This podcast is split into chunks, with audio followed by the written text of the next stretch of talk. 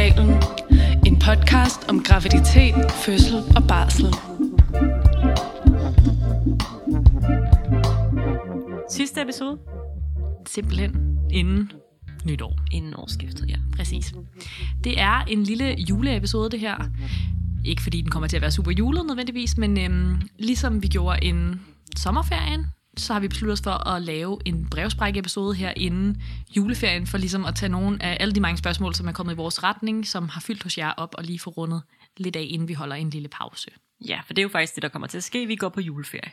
Hurra! Hurra. siger vi, men jeg føler sådan, lige nu er jeg ikke helt afstresset, fordi vi har jo, øhm, imens vi optager den her episode, stadig totalt mange tekniske problemer. Ja. Det har vi faktisk. Vi har generelt bare været ramt både af tekniske og fysiske problemer på kanalen. Vi har Det virkelig sige. været ramt af meget sådan sygdom, lidt på skift, lidt oven i hinanden, og øhm, også jo så nogle ret sådan, massive tekniske problemer, som vi stadigvæk ikke rigtig har fået løst. Øh, det vil sige, at vi kan godt, man kan godt høre vores episoder nu, men vi kan ikke øh, lægge nye episoder ud, og det er jo et, et problem.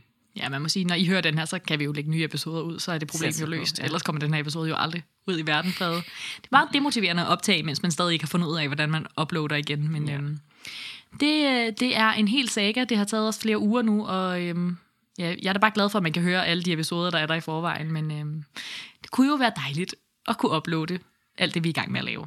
Ja. Som det første, inden vi sådan tager hul på alle jeres spørgsmål, så har vi sådan lidt info Det er rigtigt. det nye år, fordi at, øhm, det er sådan blevet sådan en ting her på Fødselskanalen. Vi laver altid lige sådan et, et års øh, skifte, som tit inkluderer nogle ændringer, og det kommer det simpelthen også til at gøre i år.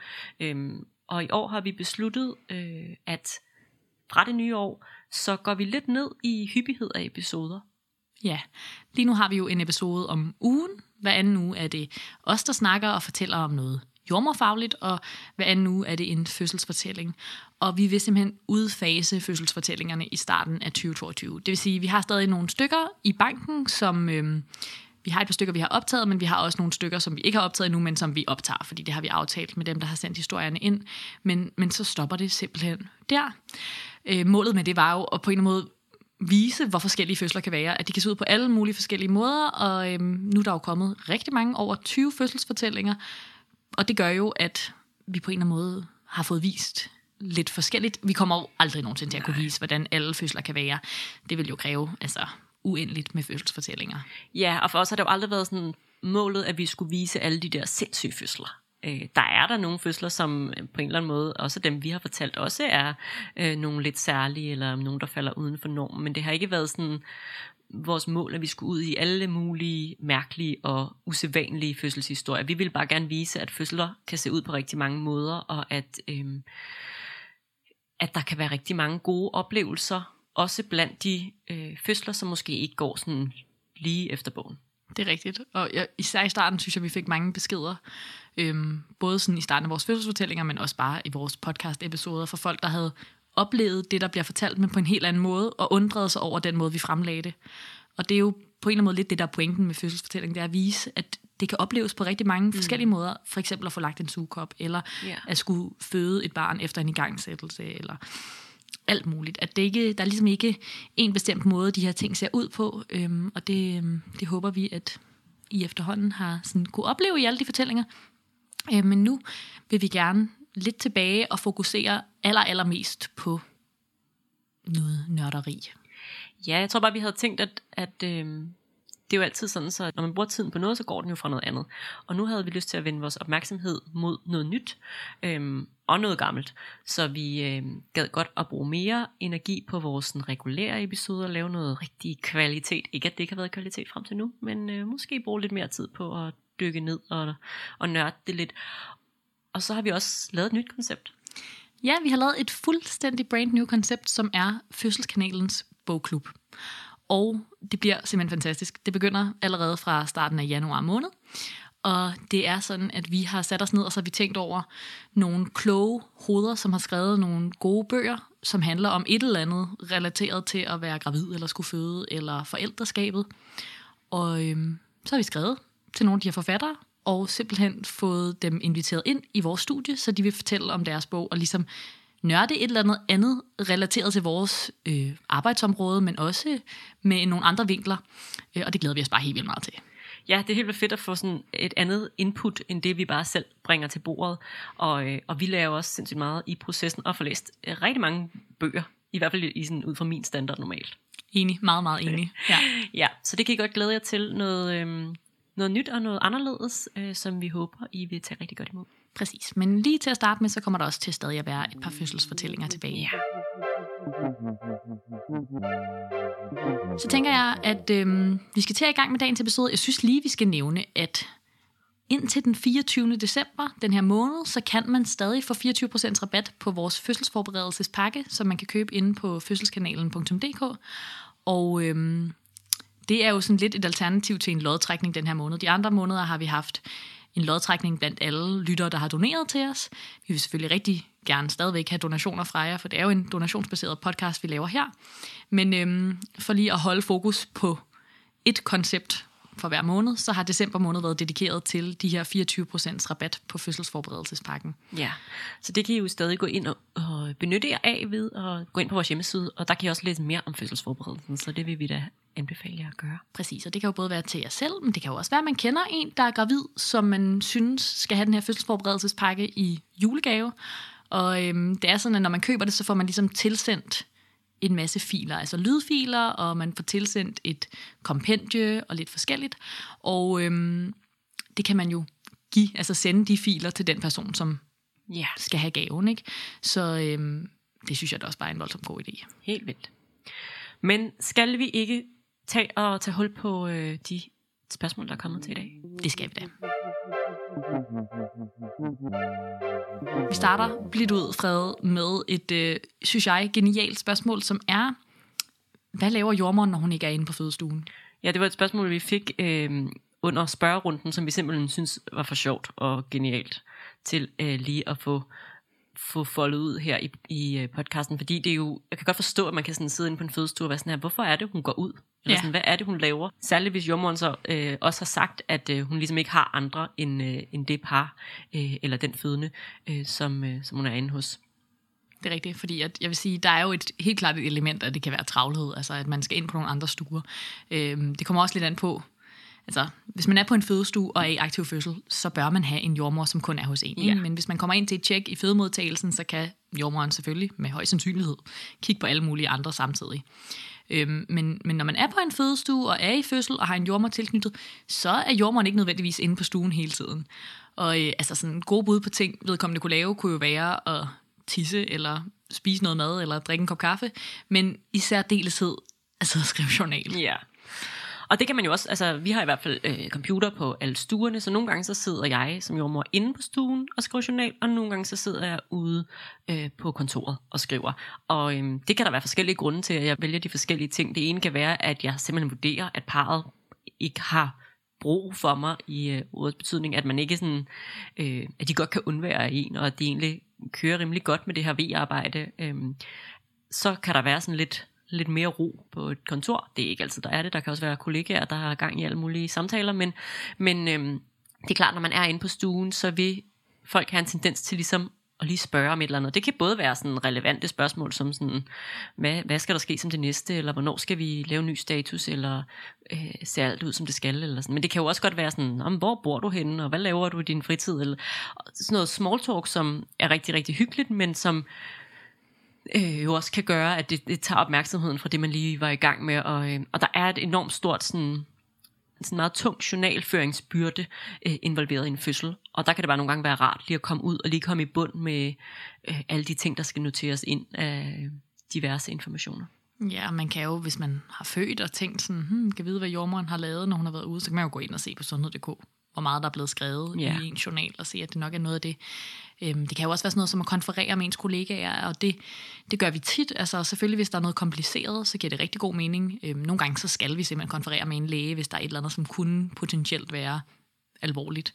Øhm, men der er også tit de der forløb, hvor man er sådan, alt er som det skal være, men der er et eller andet, der går sådan lidt langsomt, eller sådan, hmm, det her er lidt i tvivl om, hvad den bedste løsning er på, og så kan man jo bare gå ud og konferere med ens jordmorkollegaer og få nogle gode idéer, og, og det synes jeg personligt er rigtig, rigtig dejligt. Det gør jeg meget, og det er også, fordi jeg godt kan lide samarbejde med kollegaer. Ja. Der er sådan lidt forskel på jordmøder. Der er nogen, der er meget sådan lone riders, som, Ja. øh, som kører forløb helt selv, men jeg ved ikke, jeg synes bare, det er hyggeligt at gå ud til kollegaerne og høre, og nogle gange, så har jeg allerede sådan løsningen, så siger jeg, status af det her, bla bla bla bla bla. Jeg, jeg tænker, at de næste par timer skal gå med A, B, C, D, og så vil jeg bare gerne have mine kollegaer til at give mig ret og et klap på skulderen, og så øh, kan jeg gå ind og arbejde videre. Ja, jeg tror også, jeg er meget sådan typen, der som jordmor netop involverer mine kollegaer i mit forløb.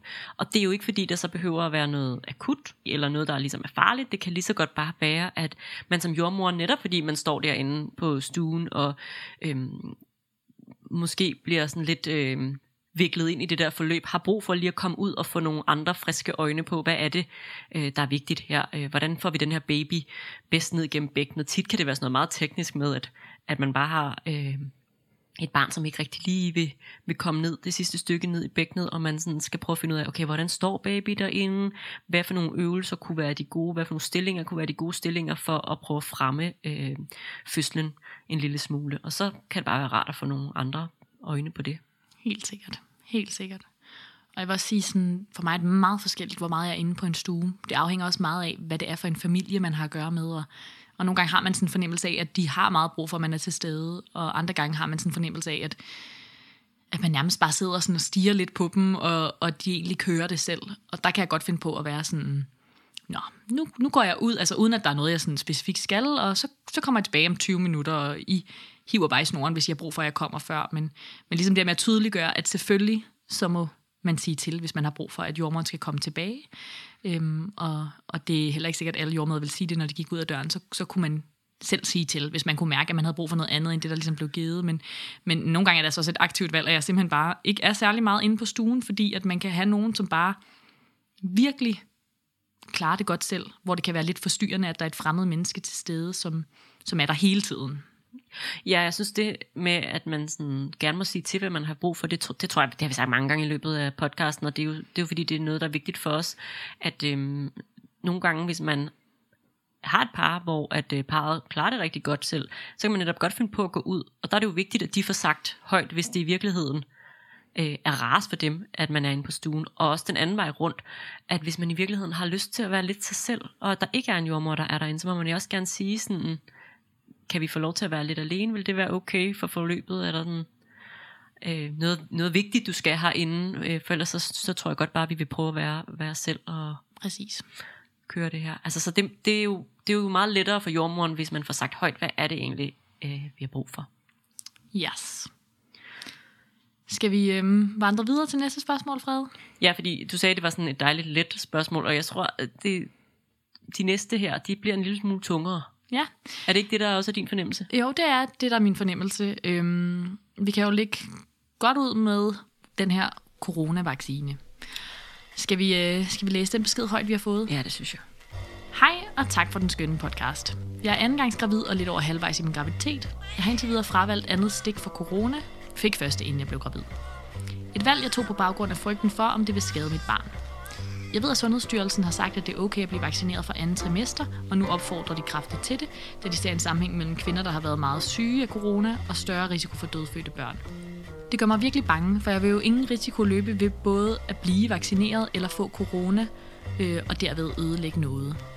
Jeg ved ikke, om I har en holdning til dette, men jeg er i syv sind og virkelig bange for at gøre det. Jeg har bestilt en tid, men den er hele tiden klar til at blive afbestilt. Håber, I forstår frygt.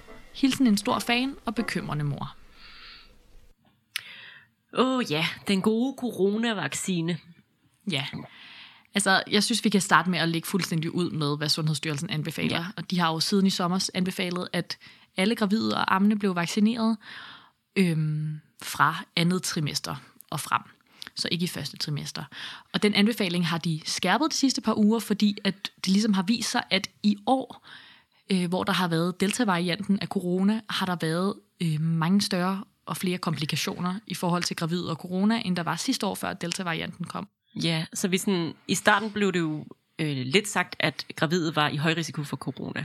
Og så så vi egentlig ikke en specielt stor hyppighed af øh, gravid, som fik corona. Så det var sådan lidt sådan en teoretisk risiko, den her med, at man var, øh, var i øget risiko for at få corona, eller man var i øget risiko for et måske mere slemt forløb, hvis man, øh, hvis man var gravid. Øhm, og det har så på en eller anden måde ændret sig. Øhm, det var sådan så, at sidste år fra juni til november, der havde vi øh, otte alvorlige tilfælde blandt gravide, øh, som fik corona, og i år i samme periode, altså fra juni til november, øh, var det tal 31. Så det er jo sådan en, en ret... Øhm, en ret stor vækst blandt øh, gravide, der har de her ret øh, alvorlige forløb. Fordi i de øh, 31, der var alligevel 11 børn, der gik til. Og det er i hvert fald sådan nogle tal, som fra os som jordmøder er ret voldsomme. Det er vanvittigt mange ud af 31. Ja, altså så det er jo, det er jo, en, det er jo en tredjedel. Øhm, så så det, kom, det kom i hvert fald bag på mig som jordmor, ja. øhm, at tallene var så høje. Jeg har godt haft sådan en følelse, øhm, ligesom jeg, da corona brød løs, lidt havde sådan en følelse af, sådan, vi var så klar, vi var helt kampklar til alle de her gravide, der skulle komme ind og vælte vores øh, fødegang, og der kom ikke nogen med corona. Øhm, men har også haft fornemmelsen af, at vi møder det meget hyppigere ja. nu, end vi har gjort øh, sidste år. Ja. At der både er flere, der bare kommer ind øh, og bliver indlagt med andre ting, altså det kan være i løbet af fødslen, eller med nogle komplikationer i graviditeten, men som så er corona-positive, øh, men også flere på intensivafdelingen desværre. Altså jeg er helt enig, jeg har flere gange skulle besøge gravide på andre afdelinger, som har været indlagt med corona, øhm, og komme og se til dem som jordmor. Og jeg synes også, der er jævnligt af gravide, der ringer ind, som har fået corona og er bekymret. Så det, er sådan, det fylder i hverdagen nu, ja. og det har det ikke det har det ikke som sådan gjort. Altså, der har været sådan enkelt tilfælde før, ikke? men det har ikke fyldt sådan generelt tidligere. Øhm, og jeg synes virkelig noget af det, der er vigtigt at sige her, fordi hun skriver jo i forhold til coronavaccinen, det er jo, at 93 procent af dem, der har været indlagt, som har fået de her alvorlige forløb med corona og været gravide, har ikke været vaccineret. Så det er ret få procent, altså 6, eller andet, jeg ikke lige kan huske, der har været vaccineret. Ja. Øhm, og det er jo også derfor, tallet er steget på den måde, fordi vi ser jo, at der er høje smittetal, men ikke nødvendigvis så mange, altså i forhold til smittetallene, som er indlagt generelt på sådan landsplan mm. af hele sådan baggrundsbefolkningen, og det er jo fordi, der er mange, der er vaccineret efterhånden. Ja. Så øhm, jeg tænker, hvis man er en af dem, der har været meget i tvivl, så synes jeg i hvert fald, det giver mening at genoverveje, for jeg kan vildt godt forstå, at man er gravid og tænker sådan, mm, den her vaccine, som er ny, og som vi ikke kender så godt til, og sådan, har jeg lyst til at sprøjte den ind i min krop, imens jeg er gravid, og lige om lidt, så er jeg jo ikke gravid længere, og så videre. Øh, men jeg synes virkelig, at man skal sådan sætte sig ned, overveje det en gang til. Jeg synes, de her tal er skræmmende. Yeah. Og altså, jeg er ikke i tvivl om, at jeg personligt ville blive vaccineret, hvis jeg var gravid, men, men det er jo ikke det, det handler om. Altså, man skal jo selvfølgelig tage en beslutning selv. Ja, og det, som måske kan være ret at vide i øh, den her sammenhæng, det er, at vaccinen ikke går over moderkagen. Det vil sige, at øh, hvis man er gravid og bliver vaccineret, så, øh, så er det altså ikke noget, der går i barnet. Altså, så det på den måde udsætter man ikke barnet for en risiko. Øhm, så hvis man ligesom er en, der øh, generelt ikke er særlig meget for at lade sig coronavaccinere, så er det jo en ting, men hvis man gerne vil lade sig vaccinere, hvis bare man ikke var gravid, så er der måske også der egentlig en, en rimelig god grund til at, øh, til at lade sig vaccinere. Ja, det er rigtigt. Det er ja. også en god pointe. Øhm, ja, jeg kan godt forstå, at der er mange, der synes, det er svært derude. Sindssygt godt forstå det. Altså virkelig, og alt det her uvidshed, er jo, det er jo det, som er svært for os at på en eller anden måde være i. Altså, og det kan jeg også så godt forstå, når man er gravid, og at man har nogle ekstra tanker forbundet til det der med at lade sig vaccinere, når man er gravid. Mm. Det synes jeg også er det, jeg oplever ude i min konsultation, for eksempel. Ikke? Jo, helt sikkert. Det oplever jeg også. Men, men på den måde er det jo også godt, at vi er blevet klogere, at nu har vi fået nogle nye tal og ved noget mere. Altså sådan, det kan jo gøre det nemmere måske at tage beslutningen i hvert fald. Ja. Jeg fornemmer, at øhm, jeg fornemmer, at der er nogen, der har haft det sådan lidt utryg ved, at der tidligere har været en anbefaling om, at man som gravid ikke blev vaccineret, øhm, og at nu er der en anbefaling om, at det må man gerne. Og det har havde bare lyst til at forklare, handler jo om, at man tidligere ikke følte, man havde nok data på gravide til ligesom at gå ind og anbefale, at de lå sig vaccinere. Øh, men i mellemtiden har USA, som altid er lidt på forkant med det hele, øh, vaccineret deres gravide, og ud fra de øh, data, der ligesom er derfra, har man konstateret, at det øh, er sikkert at, øh, at vaccinere gravide. Ja, det synes jeg er en vigtig pointe, for det er jo også det, der på en eller anden måde kan forvirre folk. Ja, det, det, er, det tror jeg. At, at uh, anbefalingerne ændrer sig. Ja. Øhm, og, og sådan har det jo været under corona. Meget, meget forvirrende og hele tiden ny viden. Ikke? Men vi bliver jo klogere og klogere, og det her er jo så anbefalingen, man har nu, på baggrund af den viden, vi har nu. Ja, for det var det, jeg lige skulle til at sige, at, at det her, vi informerer om lige nu, er som altid det øh, viden, der så er tilgængeligt frem til nu, som vi ligesom forholder os til. Ikke? Mm, ja, præcis. Om man vil lade sig vaccinere eller ikke vil, er jo sidste ende øh, ens eget valg, men der er i hvert fald en klar anbefaling fra Sundhedsstyrelsen om, at man gør det. Yes. Nå, Fredson, så er der en, der har skrevet ind med et spørgsmål omkring jordmødernes arbejdsvilkår, som jo på en eller anden måde, synes jeg, havde en, øh, en meget fin vinkel. Vil du øh, læse beskeden op? Det kan du tro. Kære Sider og Frederikke, jeg læser hele tiden om de frygtelige arbejdsforhold, mange jordmøder arbejder under PT, og har lige læst, at det vurderes, at jordmøderne på videre oplever, at de i deres arbejde må gå på kompromis med deres faglighed på grund af travlhed og manglende hænder. Er der ikke nok jordmøder om jobbet? Hvorfor er der så travlt? Er det lønnen? Jeg synes, I er det vigtigste job og har så kæmpe respekt for det ansvar, I står med. Så det gør ondt at læse. Hvad kan jeg som almindelig borger gøre for at hjælpe i kampen? Tror I, det ender med en privatisering af jeres erhverv? Eller skal politikerne råbes op? Og hvordan kan jeg hjælpe med at gøre det? Har I nogen bud? Jeg har selv haft en god, men meget hurtig første fødsel, hvor jeg ikke kunne få plads på Skyby og måtte til Horsens. Det i sig selv var voldsomt for mig, men heldigvis var jeg i gode hænder, og fødslen forløb relativt ukompliceret. Jeg skal føde igen til februar og kan mærke en stigende utryghed ved det, der sker i jeres felt. Ikke kun for mig, men også for alle de andre fødende og de jordmøder, der skal tage sig af os. Tak for den bedste podcast i verden. Ja, der er jo sådan to dele af den her øh, besked. Jeg tænker både, der er hele elementet af, sådan, hvad er det problemet er, og hvad kan hun gøre for at hjælpe? Helt klart. Hvilket var det, jeg synes var nice. Det var så nice. skrevet. Og jeg synes, hun er virkelig øhm, god til på en eller anden måde at stille nogle ret relevante spørgsmål. Øhm, og så er det ret interessant, at hun jo er en af dem, der har, faktisk har oplevet den her travlhed. Fordi det er jo tit det, vi hører, det er, at mange af jer, selvom der er travlt på mange af de danske fødesteder, ikke rigtig mærker det, fordi jordmøderne jo i høj grad er gode til at dække over det, vil jeg nærmest kalde det. Mhm. Øhm, Ja, vi havde jo faktisk en besked lidt af det her ja. i vores spørgerunde, da vi havde fredagsbar på Instagram for nylig.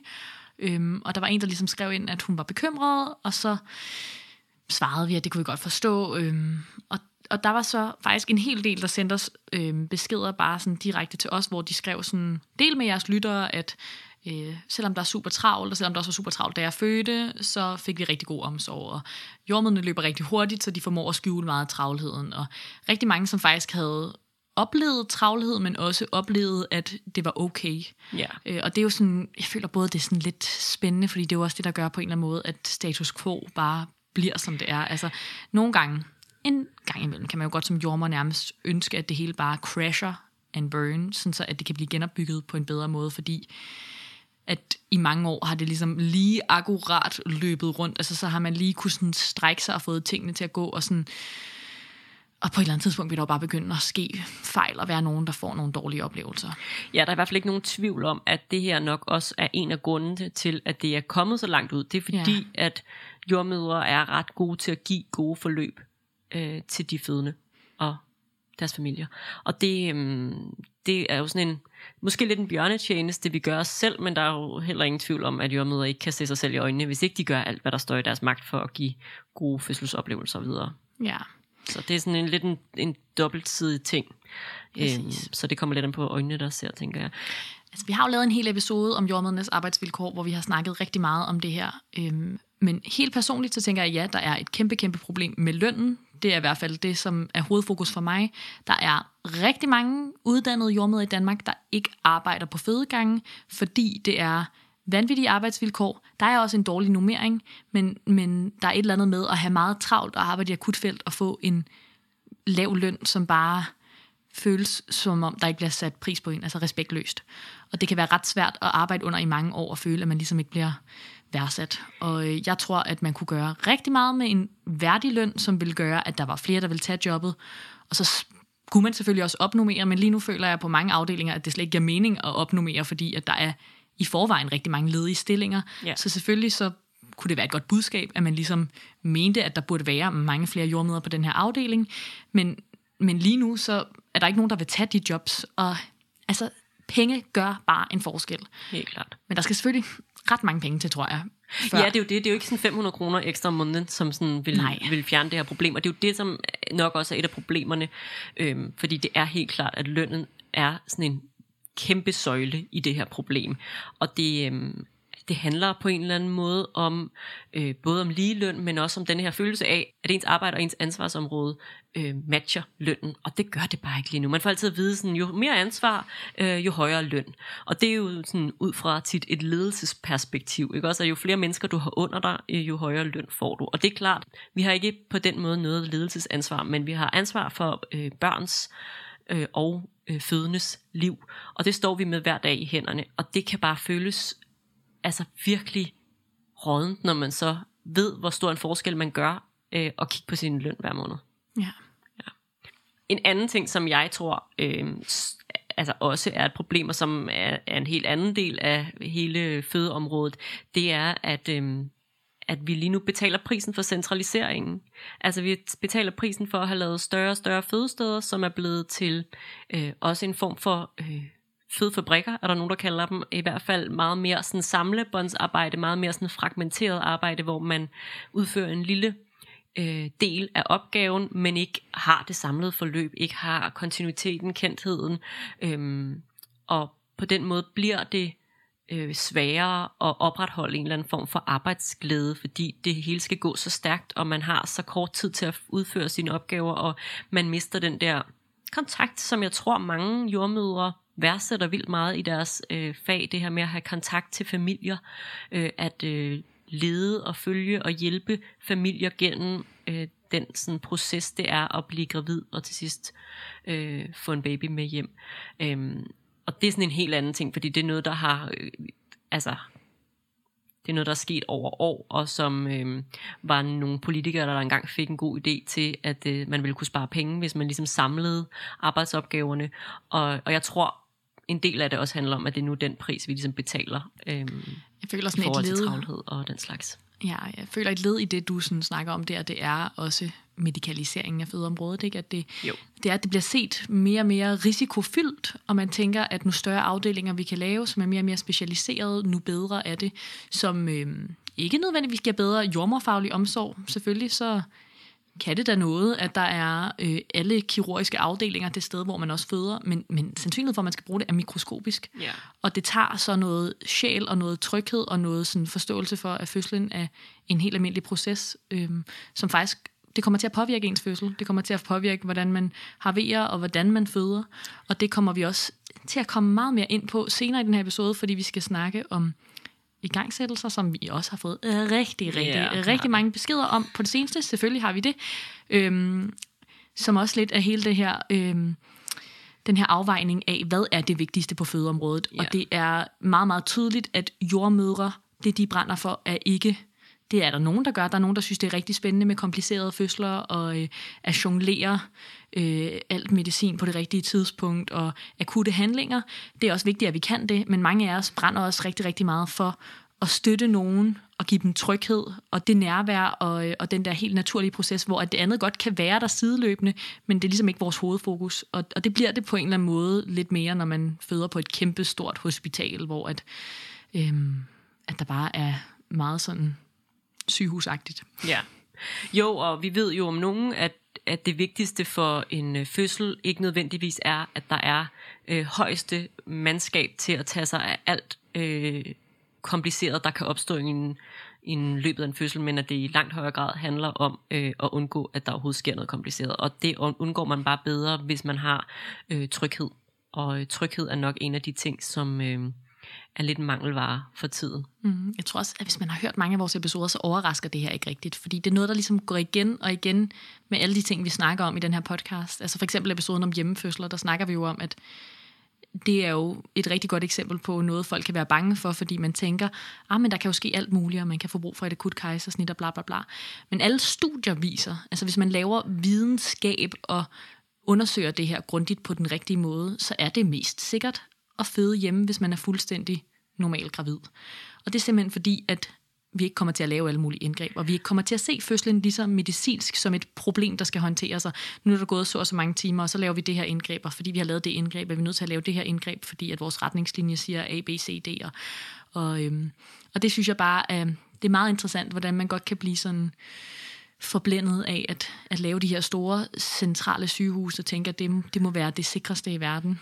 Og nu sagde jeg sådan fødefabrikker, og det er jo fordi, der godt kan opstå sådan lidt effektiviserings mentalitet, øh, når man er på et stort fødested, hvor der er en masse tavler med en masse fødsler og en masse logistik, der skal gå op i en højere enhed med øh, fødende, der venter på stuer og venter på jordmøder, og så kan der jo godt opstå sådan en, nu skal vi have de her fødsler eksekveret, altså vi skal have de her folk til at føde, vi har ikke tid til at bare at lade dem gå og have vejer og se, hvordan det hele skrider fremad, og det er, sådan, det er sat på spidsen. Det er ikke sådan så, at der øh, øh, bare bliver lavet alle mulige unødvendige indgreb øh, hele tiden, men, men der er der en tendens til, at hvis man hvis der bare er øh, for mange fødende til for få hænder, at så er det optimale jo, at nogle af de har forfødt. Mm. Jeg tænker i hvert fald, at der er helt sikkert noget med øhm, jordmødernes arbejdsglæde, altså hvordan vores arbejdsområde har ændret sig over de sidste mange år. Og så er der løn. Ja. Men, men Hvad kan man gøre ved det? Præcis. Lad os prøve at vente om og se, hvis vi skulle tage en lidt mere positiv ja-hat på, og gå lidt væk fra vores rant, som vi seriøst kan fortsætte for evigt, så øh, spørger hun jo faktisk om, hvad hun som almindelig borger kan gøre for at hjælpe i kampen. Og øhm, altså, der er jo helt sikkert noget med, hvem man stemmer på, når der er valg, som ja. selvfølgelig er vigtigt. Jeg vil sige, man får lige sådan en følelse, nu har der jo været valg for nylig ja. af, sådan, nu skal der ske noget, og så må man jo bare sige, at sådan, altså, okay, der er heller ikke gået så lang tid siden det valg, men det er også lidt antiklimatisk. Bagefter har man det sådan, hvad, hvad, hvad gør det egentlig lige? jeg ved ikke. Det, jeg kan også godt føle, at der er meget, meget lang vej fra det til... Øh, ja, men til der er jo rent faktisk kommet en, altså en hjælpepulje nu. Det er rigtigt. Så man kan sige, Det og er det er ikke rigtigt. sikkert, det har noget med valget at gøre overhovedet. Det kan være noget, der har været i spil lang tid før. Men det, det altså jeg vil sige, i hvert fald er det mit, min følelse, at den opmærksomhed, der er lige nu på området, gør en forskel. Ja. Så i virkeligheden handler det måske meget om det. Det handler om at blive ved med at tale om det her. Det handler om, at hvis man er god til at skrive læserbrev, så skriv nogle læserbrev. Klart. Øhm, og ellers så er der nogle organisationer, som man kan støtte, øhm, og på den måde ligesom støtte dem, der laver noget aktivistisk arbejde Klart. for både jordmøderne, men også for øh, de fødende og øh, de kommende forældre. Ja, altså der er jo sådan en organisation som Jordmøder for Ligeløn, som øh, er sådan en græsrodsbevægelse, som har altså til formål at prøve at gøre op med tjenestemandsreformen og sørge for, at jordmødre får en mere retfærdig løn. Det kunne man undersøge, øhm, og så er der sådan noget som Forældrefødsel, som jo er en forening for øhm, folk, der skal være forældre, eller er det allerede, øhm, som jo er en interesseorganisation, der ligesom har, har med den her gruppe at gøre, og hvordan man kan give bedre vilkår for dem, som jo også på en eller anden måde hænger sammen med, eller meget tydeligt hænger sammen med jordmødernes arbejdsvilkår, at, at jordmøderne er nødt til at have gode arbejdsvilkår for at kunne give gode oplevelser til de her mennesker.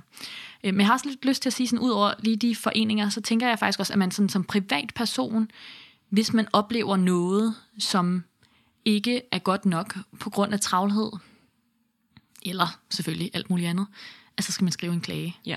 Fordi at, øhm, jeg tænker for eksempel sådan en som hende her, som er blevet overflyttet, det kunne man da godt klage over, og det er jo ikke fordi, at selvfølgelig så skal hun overflyttes, hvis der ikke er en jordmor, der hvor hun egentlig, det egentlig var meningen, hun skulle føde, så synes jeg da også, hun skal til et andet hospital, hvor der er en, der kan tage sig af hende. Så det er ikke på den måde, det var en forkert handling, men det ville bare være meget, meget bedre, hvis vi levede i et land, hvor man ikke behøver at blive overflyttet. Så klag, klag, klag, klag, klag, klag, klag. Og lad være med at tænke, at sådan, ah, men jeg mødte en jordmor, som var rigtig, rigtig sød og gjorde det rigtig godt, selvom jeg kunne se, at vedkommende havde mega travlt. Prøv i stedet og sådan tænk, det her, det var faktisk ikke godt nok. Nu gør jeg det for vores allesammens skyld. Altså for de andre, der skal føde, og for de jordmødre, der arbejder, at, at de skal også på en eller anden måde, altså det skal blive synligt, at, at folk løber for stærkt, og at det gør, at de fødende får nogle dårligere oplevelser. Det synes jeg er en virkelig, virkelig god pointe, og jeg tror også nogle gange, at det er faktisk lidt af det, der også er vores problem, det er, at øhm, hospitalet er jo som alt muligt andet et firma, der øh, gerne vil have tilfredse kunder, og de går rigtig meget op i, hvad deres kunder ligesom synes om oplevelsen. Øhm, og det, som jo lidt sker, når man øhm, får en baby, det er, at man både er meget travlt optaget af den her baby bagefter, men måske også lidt taknemmelig øh, for den hjælp, man så nu engang har fået, netop hvis man har mødt en sød jordmor, hvor man tænker sådan, hun gjorde virkelig sit ypperste, og det, øh, jeg tror ikke, der er nogen jordmøder, som vil elske at få en klage på et af deres forløb, men, men jeg tror, at det er det, der skal til for, at det rykker ved noget, for der bliver gjort opmærksom på, at der rent faktisk er et problem med travlhed, og at, øh, at man som kunde i butikken ikke er tilfreds med den ligesom behandling, man har fået. Og så kan det godt være, at man er tilfreds med noget behandling, men hvis der har været en oplevelse af, at man har måtte vente rigtig lang tid på at komme på en fødestue, eller øhm, har været rigtig alene en stor del af fødslen, så, send en klage, fordi det er sådan noget, de bliver nødt til at tage sig af, de bliver nødt til ligesom at kigge det efter og sige, okay, hvordan kan vi gøre det her bedre? Øhm, og det er en måde at få aktiveret hospitalet på, så det ikke er jordmøderne, der skal råbe højt, men sådan så hospitalet også begynder at stille nogle krav til politikerne om nogle flere penge for eksempel, til at få, øhm, få det til at løbe rundt. Præcis, og, og samtidig så skal man måske ikke forvente, at der sker en, et mirakel, fordi at, at klage er jo sådan lidt en træls ting, hvor der kan være sygt meget ventetid, og tit så, så sker der ikke rigtig noget specifikt på ens egen klage. Det kan være rimelig, rimelig demotiverende. Men øhm, jeg tror virkelig, at det vil gøre en stor forskel, hvis alle dem, der havde oplevet problematiske ting på fødeområdet i Danmark, havde klaget, så havde, altså, så havde der været rigtig mange klager. Ja. Ja. Og det er, jo det, det er jo det, man skal tænke på. Det er jo mængden altså, af dem, som til sammen gør en forskel, og som du siger, nok ikke den enkelte, der i sig selv gør en forskel. Præcis.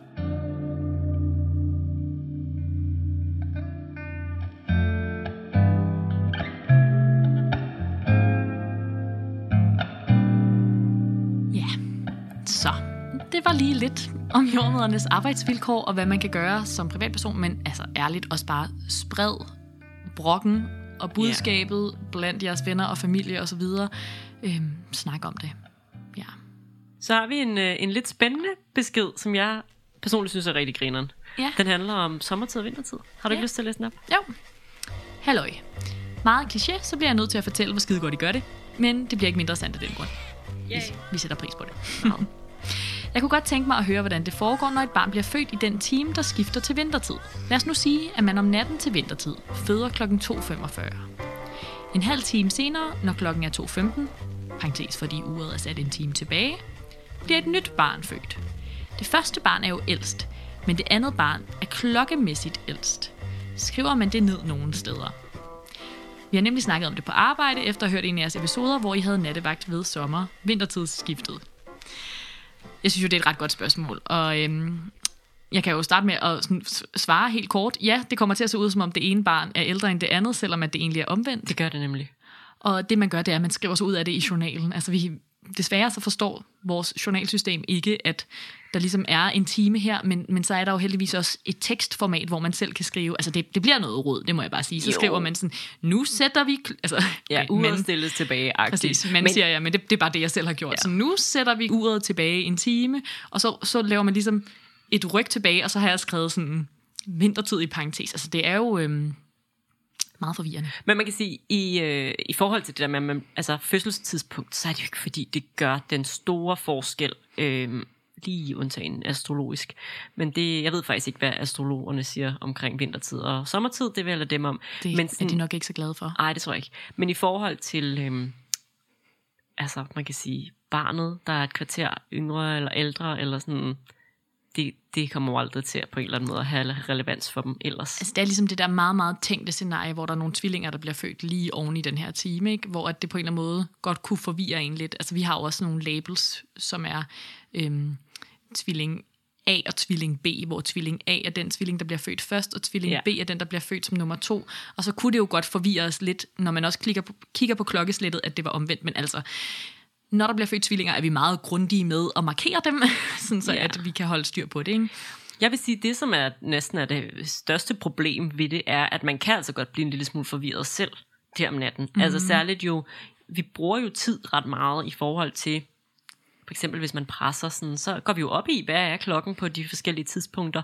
Og det der med, når man skal konferere med en læge klokken 4 om morgenen, og skal prøve at tænke tilbage til, hvor mange timer er det siden den fødende sidst har tisset, eller hvor lang tid har den fødende presset, øh, så kan man altså godt blive en lille smule rundtosset af det. Men, Klart. men så står vi jo bare lige sådan og kigger på uret i fællesskab, og er sådan her, hvordan er det nu det er med vintertid? Så må det jo være øh, så så lang tid siden. Præcis. Ting. Men altså, det kan ikke anbefales at være vågen på det tidspunkt. Det er, Nej, det er meget nej, nej, nej. Jeg vil sige, det er hårdest for jordmøderne jo, altså sådan, Ja.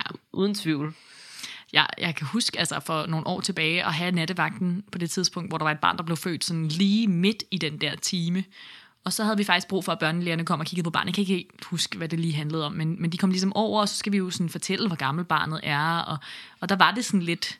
Altså barnet er født på det her tidspunkt, men ikke for 10 minutter siden, men en time og 10 minutter Ja. siden. Og, sådan, og så siger man det jo på den måde, ikke? Men altså, Ja, det ville da være en lille smule nemmere, hvis den her time ikke eksisterede i fødeverdenen. Det må man bare sige. må man sige. Lige i forhold til sommertid, altså den anden vej rundt, så det er jo fuldstændig ligegyldigt. Så er det bare en time, der forsvinder midt om natten, hvilket bare er skønt for os jordmøder. Det er selvfølgelig ikke ligegyldigt for journalen. Det giver Nej, den det- samme forvirrende i forhold forvirrende. Jeg til... skulle, skulle lige tænke mig om. Det er rigtigt. Det er faktisk Det er fordi, jeg tænker, det er så dejligt, når man har nattevagt, at den er en time kortere, men det er selvfølgelig forvirrende det der med, hvornår, hvornår har den fødende været ude at tisse, og det var klokken det, men det er så lige en time mindre siden. siden. Ja. Well, Well, well. Jeg tænker, det var svar på, øhm, på spørgsmålet. Og så kan vi hoppe videre til et lille fødselsdilemma. Det gør vi. Skal jeg læse den op, synes du? Ja, gør det. Tak for jeres vidunderlige podcast og jeres endnu mere vidunderlige arbejde på fødegangene. Jeg skriver til jer med et fødselsdilemma. Det tror jeg ikke, vi har haft før. Et fødselsdilemma. Nej, nej, det er den formulering, tænker du. Ja. Jeg er førstegangsfødende og har termin midt i min mands udenlandsarbejde. Det forholder sig sådan, at hans kontrakt desværre først udløber cirka to måneder efter fødslen. Reglerne er super stramme, så han må maks være hjemme i Danmark i tre uger ad gangen. Det efterlader mig i en presset situation i forbindelse med fødslen. Jeg vil allerhelst have, at han har flest dage hjemme, når vores baby er kommet ud, men vil selvfølgelig heller ikke risikere, at han går glip af fødslen. Det kan tage ham alt mellem 6 timer og et lille døgn at komme hjem, afhængig af, hvor hurtigt han kan komme på et fly og coronabøvl osv. Derfor mit spørgsmål. På hvilke signaler fra jeres højgravide krop vil I ringe og sende jeres mand hjem fra udlandet, så I var sikre på, at han nåede med til fødslen, uden at få ham kaldt hjem alt for tidligt? Og hvordan i alverden skal jeg nogensinde få slappet ordentligt af omkring termin, hvis jeg går rundt og er bange for at føde og føde for hurtigt, så min mand ikke når hjem? Må den fødsel kommer til at gå i gang naturligt, hvis jeg er så bekymret. Bonus min mormor og min mor fødte vaginalt første gang på under 10 timer. Det lyder fedt, men den her situation er jeg faktisk bange for, at jeg ligner dem. Venlig hilsen en førstegangsfødende i en virkelig ærgerlig situation. Det er jo ufattelig frustrerende det her. Jeg kan godt forstå, at, at de er bekymrede og ikke ved, hvordan det skal gå. Og øh, det er heldigvis ikke så mange, der er lige præcis i den her situation, men jeg oplever tit nogle gravide i min konsultation, som har en partner, der arbejder x antal timer fra deres hjem, og som også er bekymret for, om vedkommende kan nå hjem osv. Øhm, jeg tænker, der er sådan flere ting i det. Altså lige i det her tilfælde, så er der jo tre uger, hvor han er hjemme, og jeg ved ikke, om man kan time dem. På en eller anden måde, så lyder det lidt, som om man kan. Hvilket vil undre mig lidt, hvis de kunne bestemme, hvilke tre uger det var. Men, men hvis de kunne det, så tænker jeg, at Det tror jeg godt, de kan. Det lyder sådan her. vil du så ikke anbefale fra uge 39.0 og frem? Altså, jeg tænker, der er størst sandsynlighed for, at hun føder i, i de tre uger mellem 39.0 og 42.0. Jo, jo, det tror jeg. Det er i hvert fald, hvis vi skal, hvis vi skal sådan sørge for, at han er hjemme til fødslen. Mm. Men, men jeg kan også godt forstå det her med, at hun vil jo gerne have, at han er hjemme så lang tid efter fødslen som muligt. Så hun vil i virkeligheden bare gerne, gerne kalde ham hjem i tid til fødslen, og så at de har tre uger sammen efterfølgende. Og det er nok lidt utopisk, Ja, jeg- at det skal lade sig gøre. Og som hun selv siger det her med, sådan, det kan godt være, det bliver svært for hende at gå i fødsel, hvis han ikke er hjemme. Ja, altså jeg tror i hvert fald, jeg vil prioritere at prøve at få det organiseret sådan, så at han kunne være med til fødslen. Mere end, altså det ville da være perfekt, hvis hun så fødte et par dage efter, han var kommet hjem, og de havde tre uger, men, men jeg tænker, at det aller, aller, aller mest stressende, hvis vi skal se på sådan en katastrofescenarie, vil være, at han ikke kunne komme med til fødslen. Ja. Og så må man jo bare sige sådan, at det der med at skulle mærke efter i sin krop og sådan noget, det kan man jo godt, man kan jo godt give det et forsøg, men, men der, der er meget lidt, vi kan sige sådan, når, man, når du oplever det her, så skal du gøre sådan her.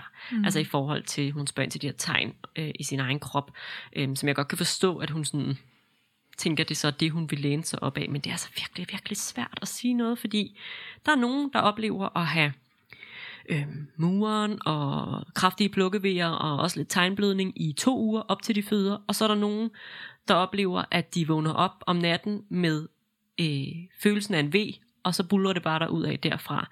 Så sådan, De tidlige tegn kan Så man simpelthen svært. ikke rigtig bruge til noget i det her nej, tilfælde. ikke rigtigt, altså, fordi det det der med, sådan, hvornår bliver det så til en fødsel? Ja. Øh, og det, det, kan bare, det kan bare se ud på så mange forskellige måder. Så jeg tror også, at hvis jeg var hende, så ville jeg nok ligesom hmm, sige til mig selv, det kan godt være, at, at øh, hendes mand der ikke får tre uger eller to uger sammen med, med dem i den første tid. Det kan godt være, at han faktisk bare er med til fødslen, og så har fem dage sammen med dem. Og prøve at finde ro i det, i stedet for at gå og stresse helt vildt meget øh, over at skulle prøve at læse sin egen krops signaler og skulle ringe ham hjem på det rigtige tidspunkt. Øhm, jeg tror, der vil, der vil være en ro i at vide, okay, han kommer hjem her, og så er han hjemme de her tre uger, og så er der en god sandsynlighed for, at jeg, øh, jeg når at føde i løbet af de tre uger. Ja, og man kan sige, fra fødslen går i gang, og man ligesom ved, at den er i gang, så er der jo også mange førstegangsfødsler, der er over 24 timer, og nu kan det godt være, at der er en, en historik for korte fødsler i hendes Ja. familie, men, men heldigvis er der jo mange, der var længere tid. Men jeg vil også sige sådan, det er selvfølgelig rart at vide, men også lidt ligegyldigt, fordi de 24 timer vil man jo også gerne have støtte ved sin side. Altså det er jo ikke, altså selvfølgelig så vil det da være optimalt, at han var der i det øjeblik, barnet kommer ud af kroppen, men, men tit er det jo også yeah. ikke så meget synet af en baby, der kommer ud af vagina, man har brug for at deltage i, men de mange timers V-arbejde, hvor man har brug for, at der står en ved siden af en, som ligesom kan støtte en godt. Så på den måde, så, så tænker jeg, det er det, det handler om. Det handler om, at man Ja. gerne vil have, at så vidt muligt, at man kan have det rette team omkring sig fra start. Så jeg tror altså også, jeg vil lave en rigtig, rigtig god plan B. Ja. Og det er ikke fordi, at... Altså, jeg tænker da, når jeg kigger på det, at med stor sandsynlighed, så bliver den ikke nødvendig. Altså, jeg tror da, at der er aller, aller, aller størst chance for, at, at det bare flasker sig, og han kommer med til fødslen. Men, men for ligesom at have sådan ro i sjælen i de første par uger af terminsperioden, så tænker jeg, at hun er nødt til at have en eller anden plan for, hvem, hvem kan så komme og hjælpe mm. mig, som også vil være en rigtig dejlig støtte i de mange timer, indtil at manden kommer hjem. Ja, rigtig god idé. Øh, og så synes jeg jo, at vi har set det her scenarie før, hvor at, øh, der er en partner, der er på forretningsrejse, og hvor den fødende simpelthen går i fødsel i det øjeblik, at, øh, øh, at personen lander i hjemmet, eller l- lander i landet, eller sådan, at det, øh, det er tit det, der skal til, før at man giver sig til at føde. Det er, at man ligesom har sin partner øh, inden for en overskuelig rækkevidde, sådan så at, øh, at man kan kan føle sig tryg til at lave det her V-arbejde og den slags. Så, altså, så jeg tror også, at det kunne blive en dårlig plan, det her med at skulle, skulle gå og vente til man går i fødsel, fordi der er en sandsynlighed for, at kroppen bare ligesom udsætter fødslen ind til, at, øh, at personen er i landet. Præcis. Det er rigtigt. Men altså, jeg forstår da godt stressen. Jeg 100 føler også p. lidt, det minder lidt om hele sådan coronasituationen lige nu, hvor man Ja. kan gå og frygte, at ens partner eller dem, man skal med til ens fødsel, for corona ikke kan komme med, og det er jo bare stress. Og man ved det jo bare ikke, før der kommer vejer. Og, og på en eller anden måde, så, så tænker jeg, det bliver en lettelse, når hun får vejer. Om så Ja. hendes mand er hjemme eller ej, så hun sådan, okay, Nu er noget det at der sker, til. nu Ja. ringer jeg, så, så kører vi ligesom af, og så er han hjemme, når han er det, og så, så hidkalder jeg, hvem end der nu skal være her i mellemtiden, øhm, for så kan man ligesom håndtere det. Altså det der med sådan at gå og være i beredskab og klar til sådan at skulle håndtere et eller andet meget hurtigt, det er da totalt pres.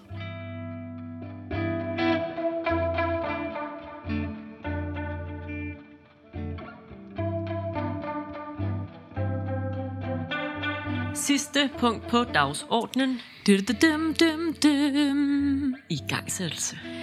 Ja, og vi lavede jo den her fantastiske lille spørgerunde på vores fredagsbar for nylig, hvor at vi fik en masse beskeder. Vi får altid rigtig mange dejlige spørgsmål, når vi laver sådan en spørgerunde, når vi holder fredagsbar på Instagram. Jeg tror 50% handlede om i gangsættelse. Det gjorde de. Og øh, det var simpelthen sådan, nu lavede vi lige en kort lille recap, hvor vi lige fortalte jer helt kort, hvad vi tænkte. Men vi tænkte, det er simpelthen nødt til at blive en del af den her episode, så vi kan folde det lidt mere ud. Men indtil videre har vi i hvert fald ikke besluttet os for at lave en ny episode om det, en hel episode. Fordi vi har jo faktisk en episode om igangsættelse, og rigtig, rigtig, rigtig meget af det, som vi kommer til at fortælle nu, er også noget af det, vi har fortalt i den episode, vi har lavet om igangsættelser, øhm, som er lidt fordele og ulemper. Altså, hvad, hvordan ser en igangsættelse ud? Altså, hvordan forløber den osv., hvilket vi synes er mega, mega, mega relevant, når man skal øh, tage stilling til, øh, hvornår igangsættelse er en god idé. Øh, men sådan hele baggrunden for, at I alle sammen har skrevet til os omkring det her, og det fylder så meget lige nu, det er, at Sundhedsstyrelsen har et dokument i høring om, hvorvidt man skal rykke anbefaling om igangsættelse på grund af graviditetslængde fra der, hvor den ligger nu, som er omkring u 41 plus 3, 4, 5, 6 stykker, lidt afhængig af, hvilket sygehus man er tilknyttet, så er det typisk der, man vil sætte i gang, fordi man vurderede, at nu var man så overborgen i sin graviditet, at det var på tide at få født. Og den vil man rykke til, at man kan anbefale igangsættelse fra 41 plus 0. Ja. Så det er nogle dage, man ligesom vil skære af det, der ligesom bliver set som den normale graviditet, hvor det er helt normalt at gå og vente på at gå spontant i fødsel. Øhm, og det skaber selvfølgelig helt vildt meget bekymring hos en masse gravide derude, som tænker, hvorfor er det egentlig lige, at man overvejer at lave den anbefaling, og Øh, hvorfor det ikke anbefaling nu? Og kan det være, at jeg kan få det nu så, hvis det egentlig er det, jeg har lyst til? Ja, og samtalen er opstået efter et, øh, et studie i Sverige, hvor man forskede lidt i noget med igangsættelse. Skulle man afvente, skulle man ikke? Og det øh, forsøg valgte man at lukke ned, fordi man så en øget hyppighed i intrauterin fosterdød, det vil sige, at øh, børn, der døde inde i livmoderen, med dem, der afventede spontan øh, igangsættende fødsel. Øhm, og det har så gjort, at man, ja, studiet sig selv kan man egentlig ikke bruge til noget, fordi det er ikke, det er ikke færdigt lavet, men de har lavet en artikel, og det er den, der ligesom satte samtalen i gang. Og der har man så valgt øh, fra dansk side at nedsætte en arbejdsgruppe, som ligesom skulle dykke ned i de studier, der så er tilgængelige på området. Øhm, og snakke om, skal vi anbefale tidligere igangsættelse, end det vi gør nu. Mm. Jeg har også lige lyst til bare lige at tilknytte et par ting til den her, det her svenske studie, fordi at det var også fremme i medierne for et par år siden, hvor vi også snakkede om det her på podcasten yeah. faktisk. Øhm, og det er jo sådan, når man laver studier, så er man nødt til at lave en vurdering af, hvor mange mennesker skal vi have med i det her studie, før vi tror på den her data. Altså man kan ligesom ikke bare tage en gravid, der afventer, og en, der ikke gør, mm. kigge på dem. Altså man skal ligesom have mange, mange mennesker med. Og øh, man nåede slet, slet ikke op på det tal.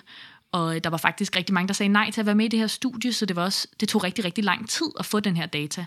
Så man fik kun en meget, meget lille del af de svenske gravide med, som man egentlig gerne ville have haft med i det her studie. Mm.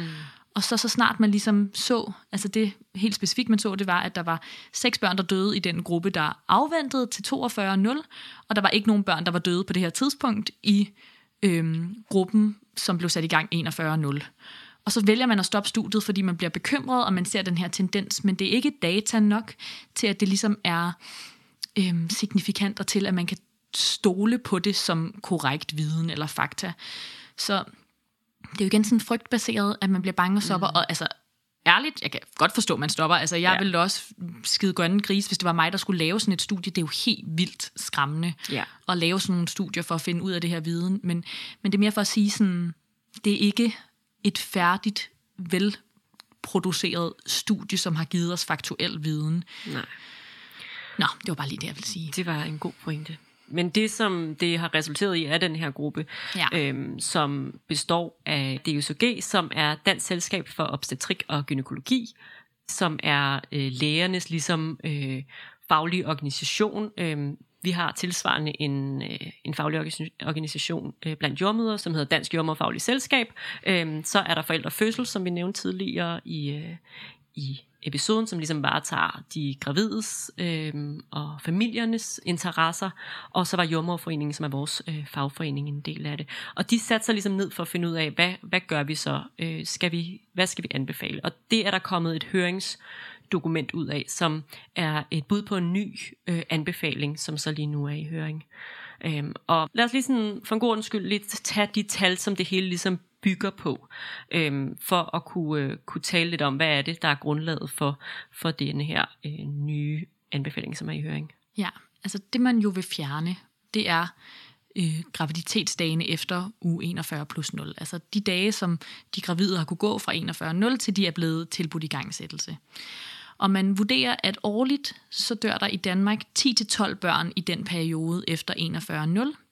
Og man vurderer, at ved at sætte i gang 41.0, så vil man kunne redde 7-8 af de børn. Øhm, hvis man sætter i gang 41.0, så ifølge det, som Sundhedsstyrelsen ligesom har skrevet i det her dokument, så vil det resultere i, at 5.500 gravide skal sættes i gang mere end dem, vi sætter i gang nu. Øhm, I dag så er det sådan, at 15.000 af de gravide, der er cirka 60.000, der føder årligt, og 15.000 af dem, altså en fjerdedel, føder efter 41 plus 0. Hvilket jeg synes, at vi godt lige kan stoppe her og sige, det er altså en rigtig, rigtig stor del ja. af helt normalt gravide, der føder på det her tidspunkt. Øhm, og af de her 15.000, som føder efter 41 plus 0, så er der 7.000, der føder spontant, øhm, og resten bliver sat i gang. Så det, som Sundhedsstyrelsen her tænker, det er, at der er 7.000, der vil føde spontant af sig selv, øh, og dem vil vi alle sammen tilbyde i gangsættelse.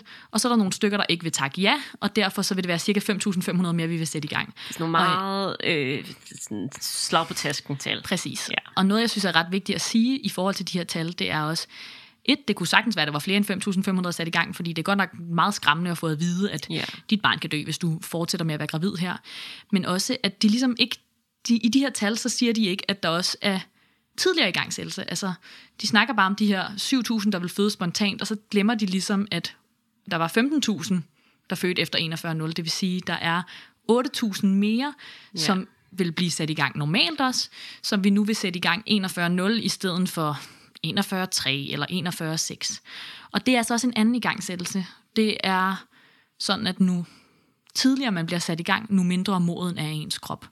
Og vi ser generelt som jordmødre, at nu tidligere graviditeten, man ligesom vælger at lave en igangsættelse, nu sværere er det at få kroppen i gang med at føde.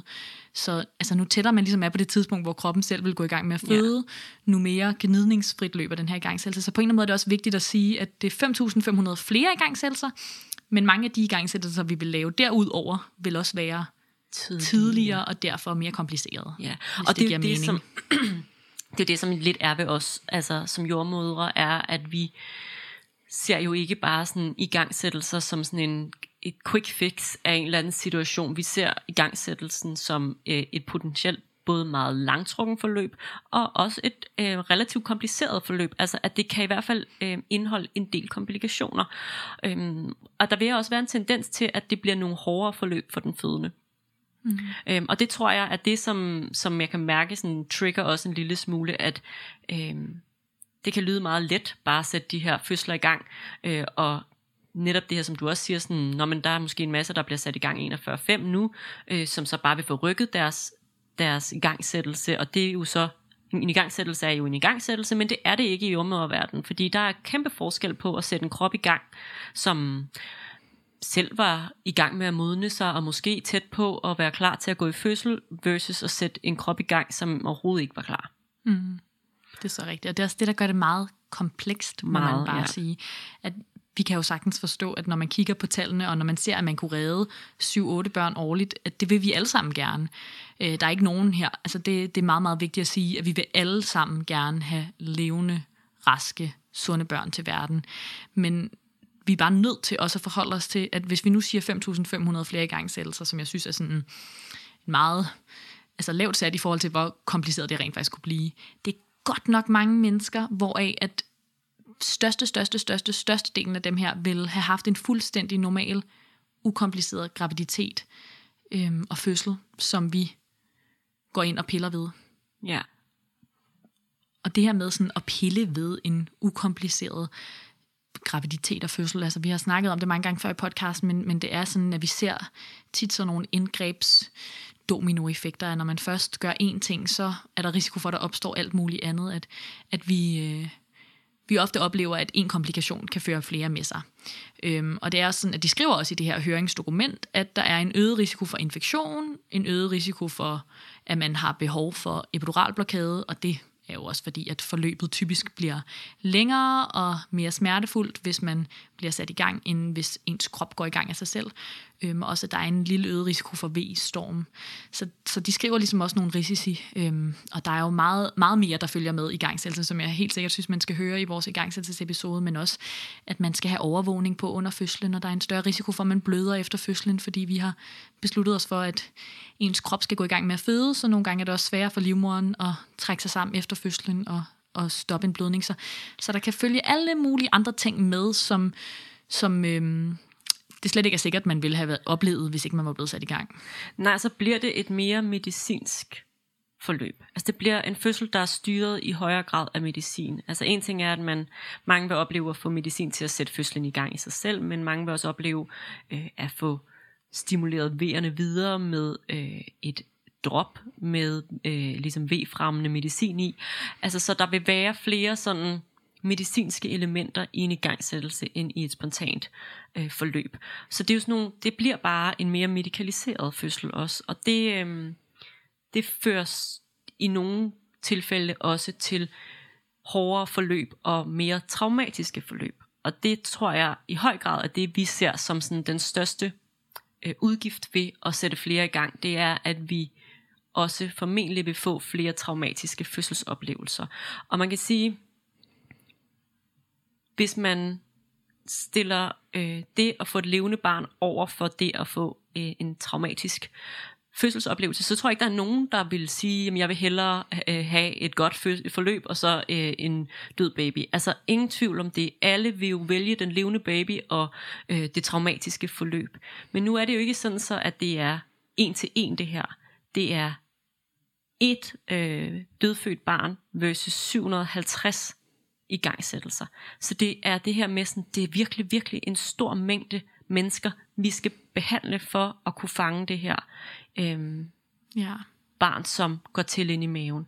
Og jeg kan i hvert fald godt få lyst til at spørge øh, mig selv og andre af mine jordmor kollegaer, sådan, er der noget andet, vi kan gøre? Kan vi gøre mm. noget andet for at, at nedbringe øh, den her frekvens øh, af børn, der dør i øh, u 41 til 42? Det er i hvert fald sådan en virkelig, virkelig ærgerlig, frygtbaseret praksis, fordi at, som du siger, sådan, man kan ikke sammenligne de to ting. Altså selvfølgelig så skal vi gøre alt, hvad vi overhovedet kan, for at alle børn kommer levende til verden. Øhm, så det bliver sådan en meget, meget svær sammenligning at lave, men, men det er også fordi, vi frygter det aller, aller værste, som jo heldigvis for langt de fleste overhovedet ikke er tilfældet. Og øhm, jeg synes bare, det er så ærgerligt, at man ikke overvejer, øh, i stedet for igangsættelse de her dage før, at så kunne det være, at, at der var behov for øh, altså noget af det, vi snakkede om med jordmødernes arbejdsvilkår, hvis vi kunne få flere jordmøder til at blive i faget, hvis vi kunne give en bedre svangeromsorg, altså hvis gravide kunne få flere kontroller efter termin, øh, hvis man følte, at man altid kunne ringe ind til en afdeling og blive hørt, og øh, altid kunne komme ind til tjek, og det er jo meningen, man skal kunne det, men, men hvis der var mindre travlt, og hvis der måske var flere sådan standardkontroller, altså man kunne også indlægge kontroller, som var planlagt, sådan, så alle Ja. kom flere gange, at det kunne også være, at det gjorde en kæmpe stor forskel. Det tror jeg på, det ville gøre, og jeg tror, det vil være et meget bedre alternativ, men det er ligesom ikke det er ikke det, der er oppe i vælten. Det er ligesom sådan, kan vi trykke på den her medicinske indgriben knap for at gøre et eller andet? Øhm, det er bare Ja, der mangler i hvert fald take. der mangler noget perspektiv på det her med, sådan, er der andre områder, vi kan skrue på, som vil kunne give os øh, samme effekt, men med øh, færre indgreb, eller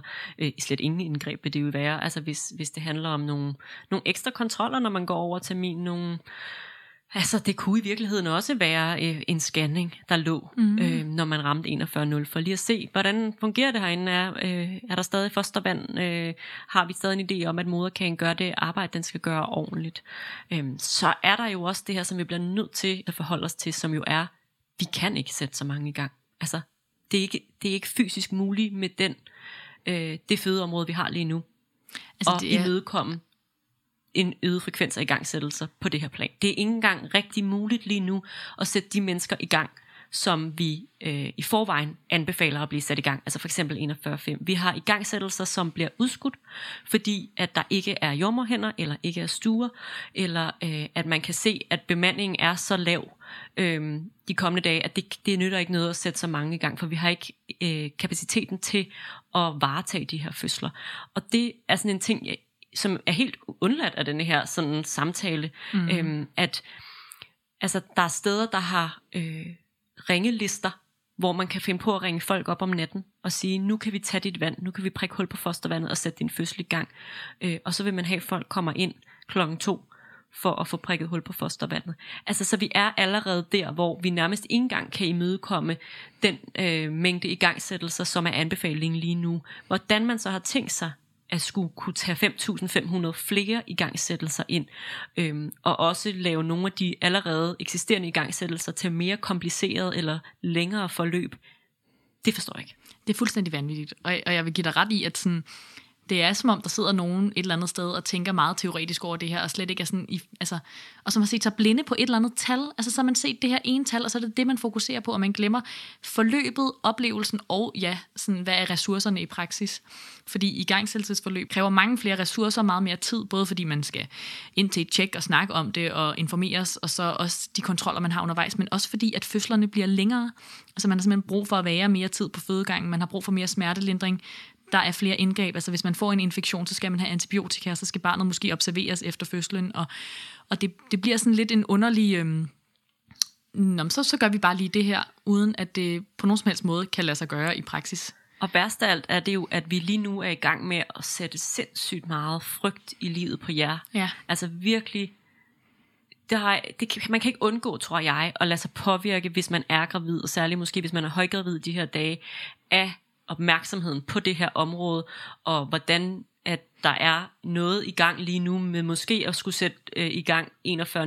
Men lige nu er det jo stadig den gamle procedure, vi kører efter, så lige nu kan vi ikke imødekomme det her, mm-hmm. og at vi potentielt heller ikke kan imødekomme det, hvis det på et tidspunkt bliver øh, rullet ud, det er jo så endnu mere problematisk, at vi anbefaler en ting, men ikke kan ligesom fylde det til dørs, og man kan sige, vælger vi at sætte fødsler i gang, så er det jo endnu vigtigere, at der er hænder til at varetage de fødsler. Det er altid vigtigt, at der er hænder til at varetage fødslerne, men en igangsættelse er per definition en kompliceret fødsel, det vil sige, det er en fødsel, der kræver overvågning af barnet, øhm, og kontinuerlig overvågning.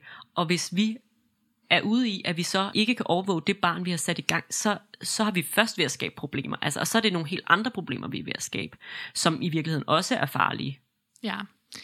Jeg tænker i hvert fald, det er vigtigt lige at nævne det her med ressourcer, men, men det kan også være, at vi skal parkere den her og sige sådan, det øh, er selvfølgelig fuldstændig åndssvagt, at man kan begynde at snakke om alle mulige ting, man gerne vil have lige bliver gjort, uden at det på nogen som helst måde kan lade sig gøre i det system, vi har. Men jeg synes, vi skal vende tilbage til sådan, hvorfor vi rent faktisk også synes, at det er en dårlig idé rent ja. fagligt. Fordi ellers kan man selvfølgelig blive bekymret for at sidde derude og være sådan, jeg er 41-3, vil de bare ikke sætte mig i gang, fordi de ikke har ressourcer. Det er altså ikke, det er ikke det, der er vores pointe her.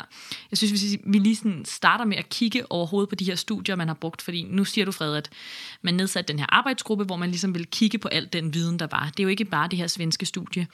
Det er også alt muligt andet viden, man har på området. Og studierne er helt generelt lavet i andre lande end Danmark. Det er ikke den danske svangeromsorg, det er ikke den danske måde at føde på, som de her studier er blevet lavet på. Det er altså ret væsentligt, at man ikke er blevet undersøgt undervejs i graviditeten på samme måde, som man bliver i Danmark. Man øhm, sammenligner desuden det at blive sat i gang 41.0 med at afvente. Og for nogle studier, der er det at afvente til 42.0, men i andre studier er det at afvente endnu længere tid, som ikke er praksis i Danmark. Så der kommer også på en eller anden måde en skævvridning af tallene her.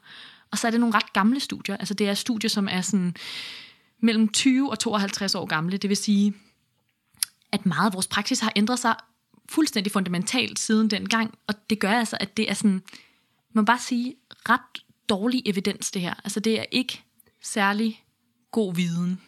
Og i forhold til det her høringsforslag, så har det ligesom resulteret i, at det er en, det de kalder for, eller kategoriserer for, en svag anbefaling. Altså det at sætte i gang fra u 41 0 er kun ligesom kunne blive kategoriseret som en svag anbefaling. Og det er simpelthen på grund af manglende evidens. Altså at, ja. at man ikke ligesom mener, at studierne er så valide, at man kan gøre det til en, øh, en stærk anbefaling. Mm. Altså, og det, det som de også siger, er, at det handler om tilbydet igangsættelse i dialog med en jordmor eller en anden fagperson fra 41.0. Så det er ikke på 41.0, men fra 41.0. Og det bliver også sådan lidt, hvad er så det?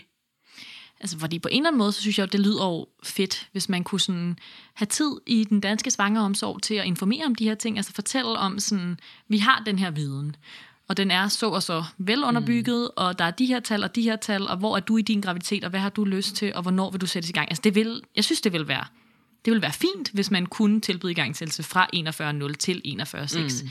Men, men igen, der vil jeg sige sådan, der er ikke indlagt tid til at tage en meget, meget grundig Nej. samtale om det. Plus de lister, du snakkede om med, at folk, der bliver ringet op midt om natten, eller folk, der står i kø til at blive sat i gang øh, på grund af travlhed, det viser jo også, at man ikke, der er jo ikke seks dage, hvor du kan vælge, hvornår det giver Nej. mening for dig at blive sat i gang. Der er ligesom, okay, nu skal du sættes i gang, så kommer du i kø muligheden. Mange fødesteder. Det er selvfølgelig lidt forskelligt fra fødested til fødested.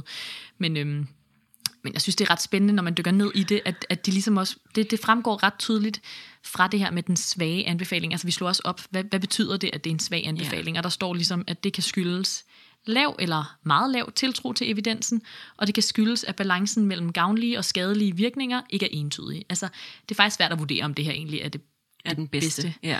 Og det er også bare sådan, synes jeg, meget spændende det her med at lave en svag anbefaling om noget, der muligvis vil være godt, på grund af noget, man frygter rigtig, rigtig, rigtig meget. Og det er jo det, det handler om, det er, at det er meget små tal, det er ikke engang sikkert, men den risiko er bare så forfærdelig, yeah. at det overskygger alt. Altså, og det kan jeg godt forstå, og det er bare, det er også det, der gør samtalen svær at have, fordi at man jo bare virkelig, virkelig, virkelig ikke vil være en af dem, der oplever at miste sit barn i graviditeten.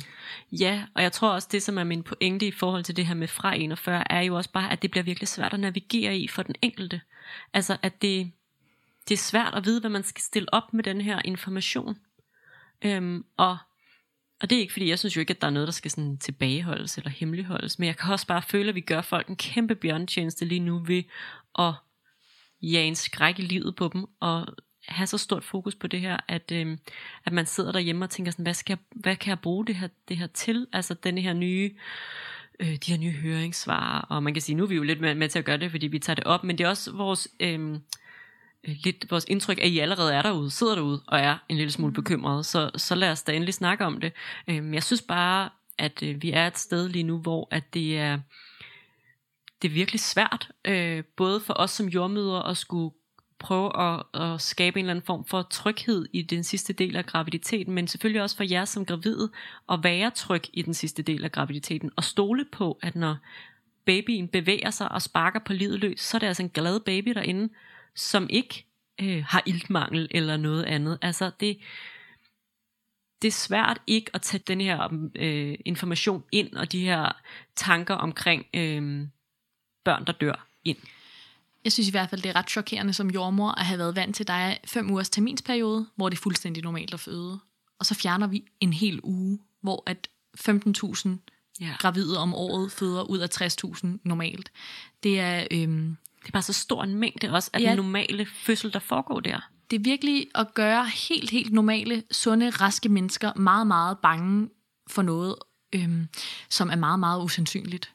Og og det interessante er jo, at de her 5.500 flere igangsættelser, det er jo folk, der vil, ja, det er folk, der vil føde spontant, som sandsynligvis vil have et ukompliceret forløb.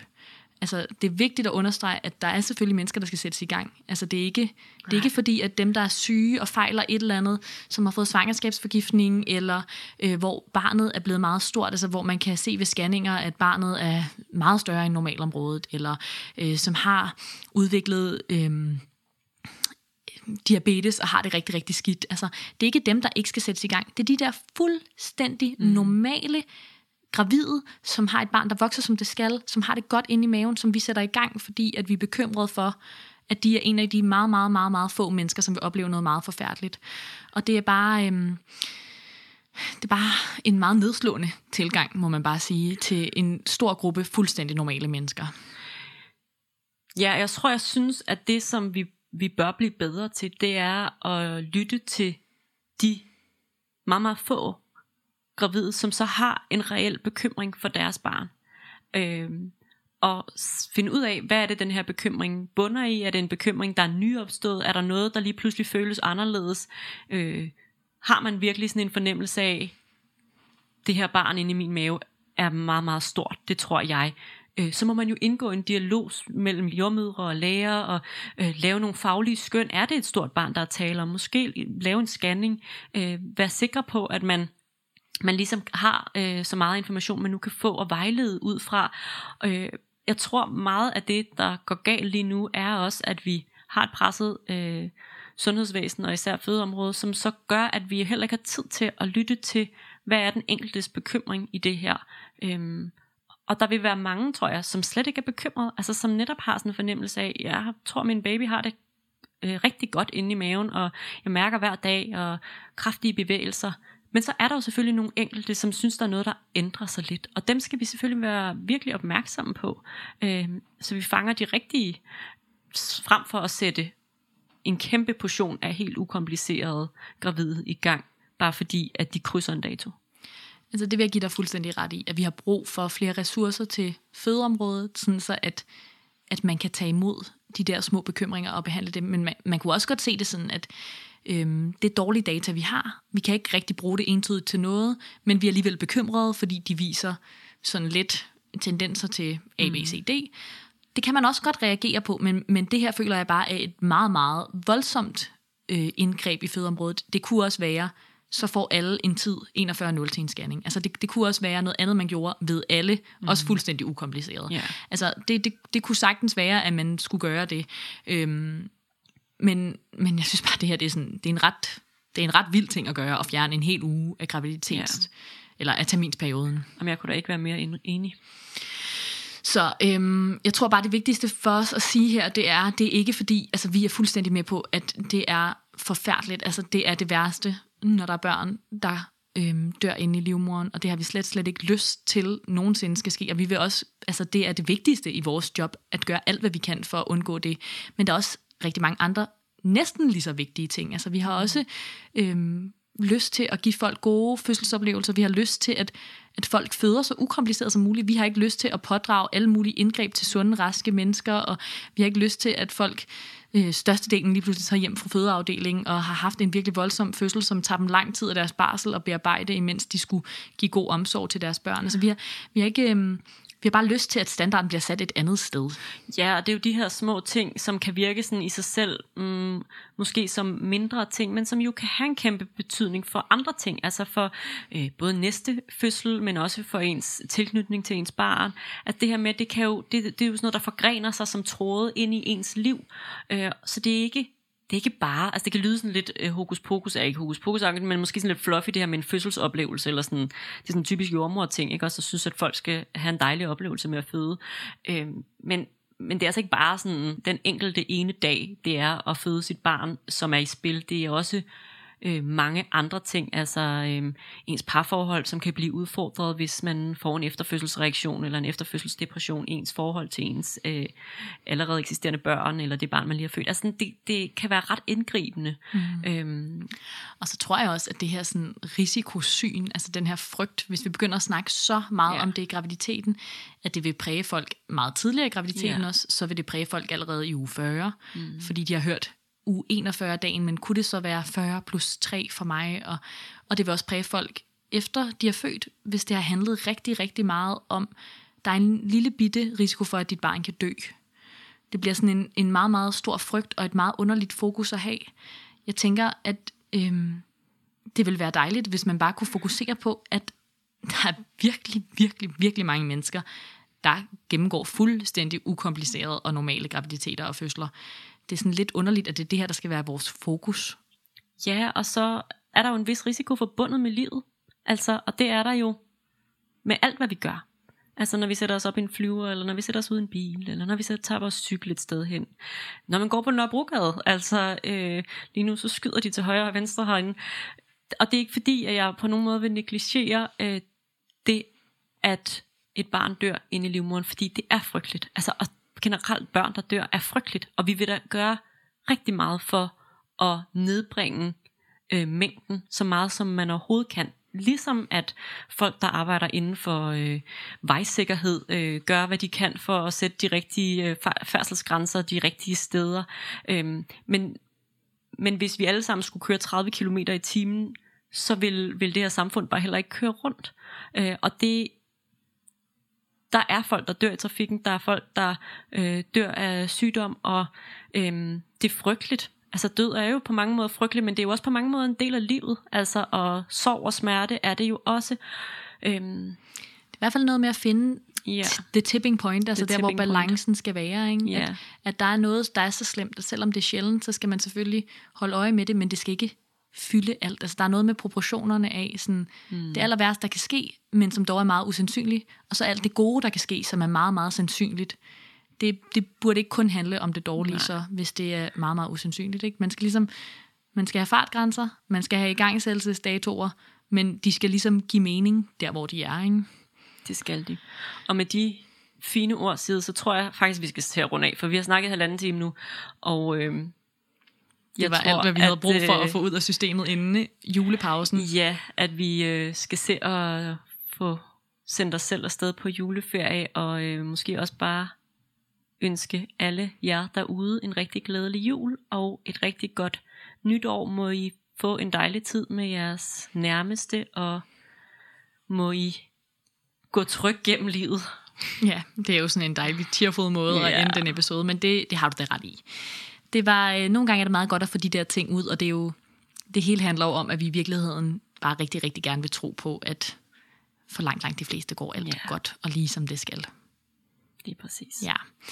Men ja, jeg vil gerne stemme i koret og sige glædelig jul til alle derude, og I må have et rigtig godt nytår, og så glæder vi os til at vise jer vores nye koncept i 2022 og høre, hvad I synes om det. Ja, ikke mindst det. Ja, I må have det godt så længe. Du lytter til Fødselskanalen. Det er sgu da fedt, mand.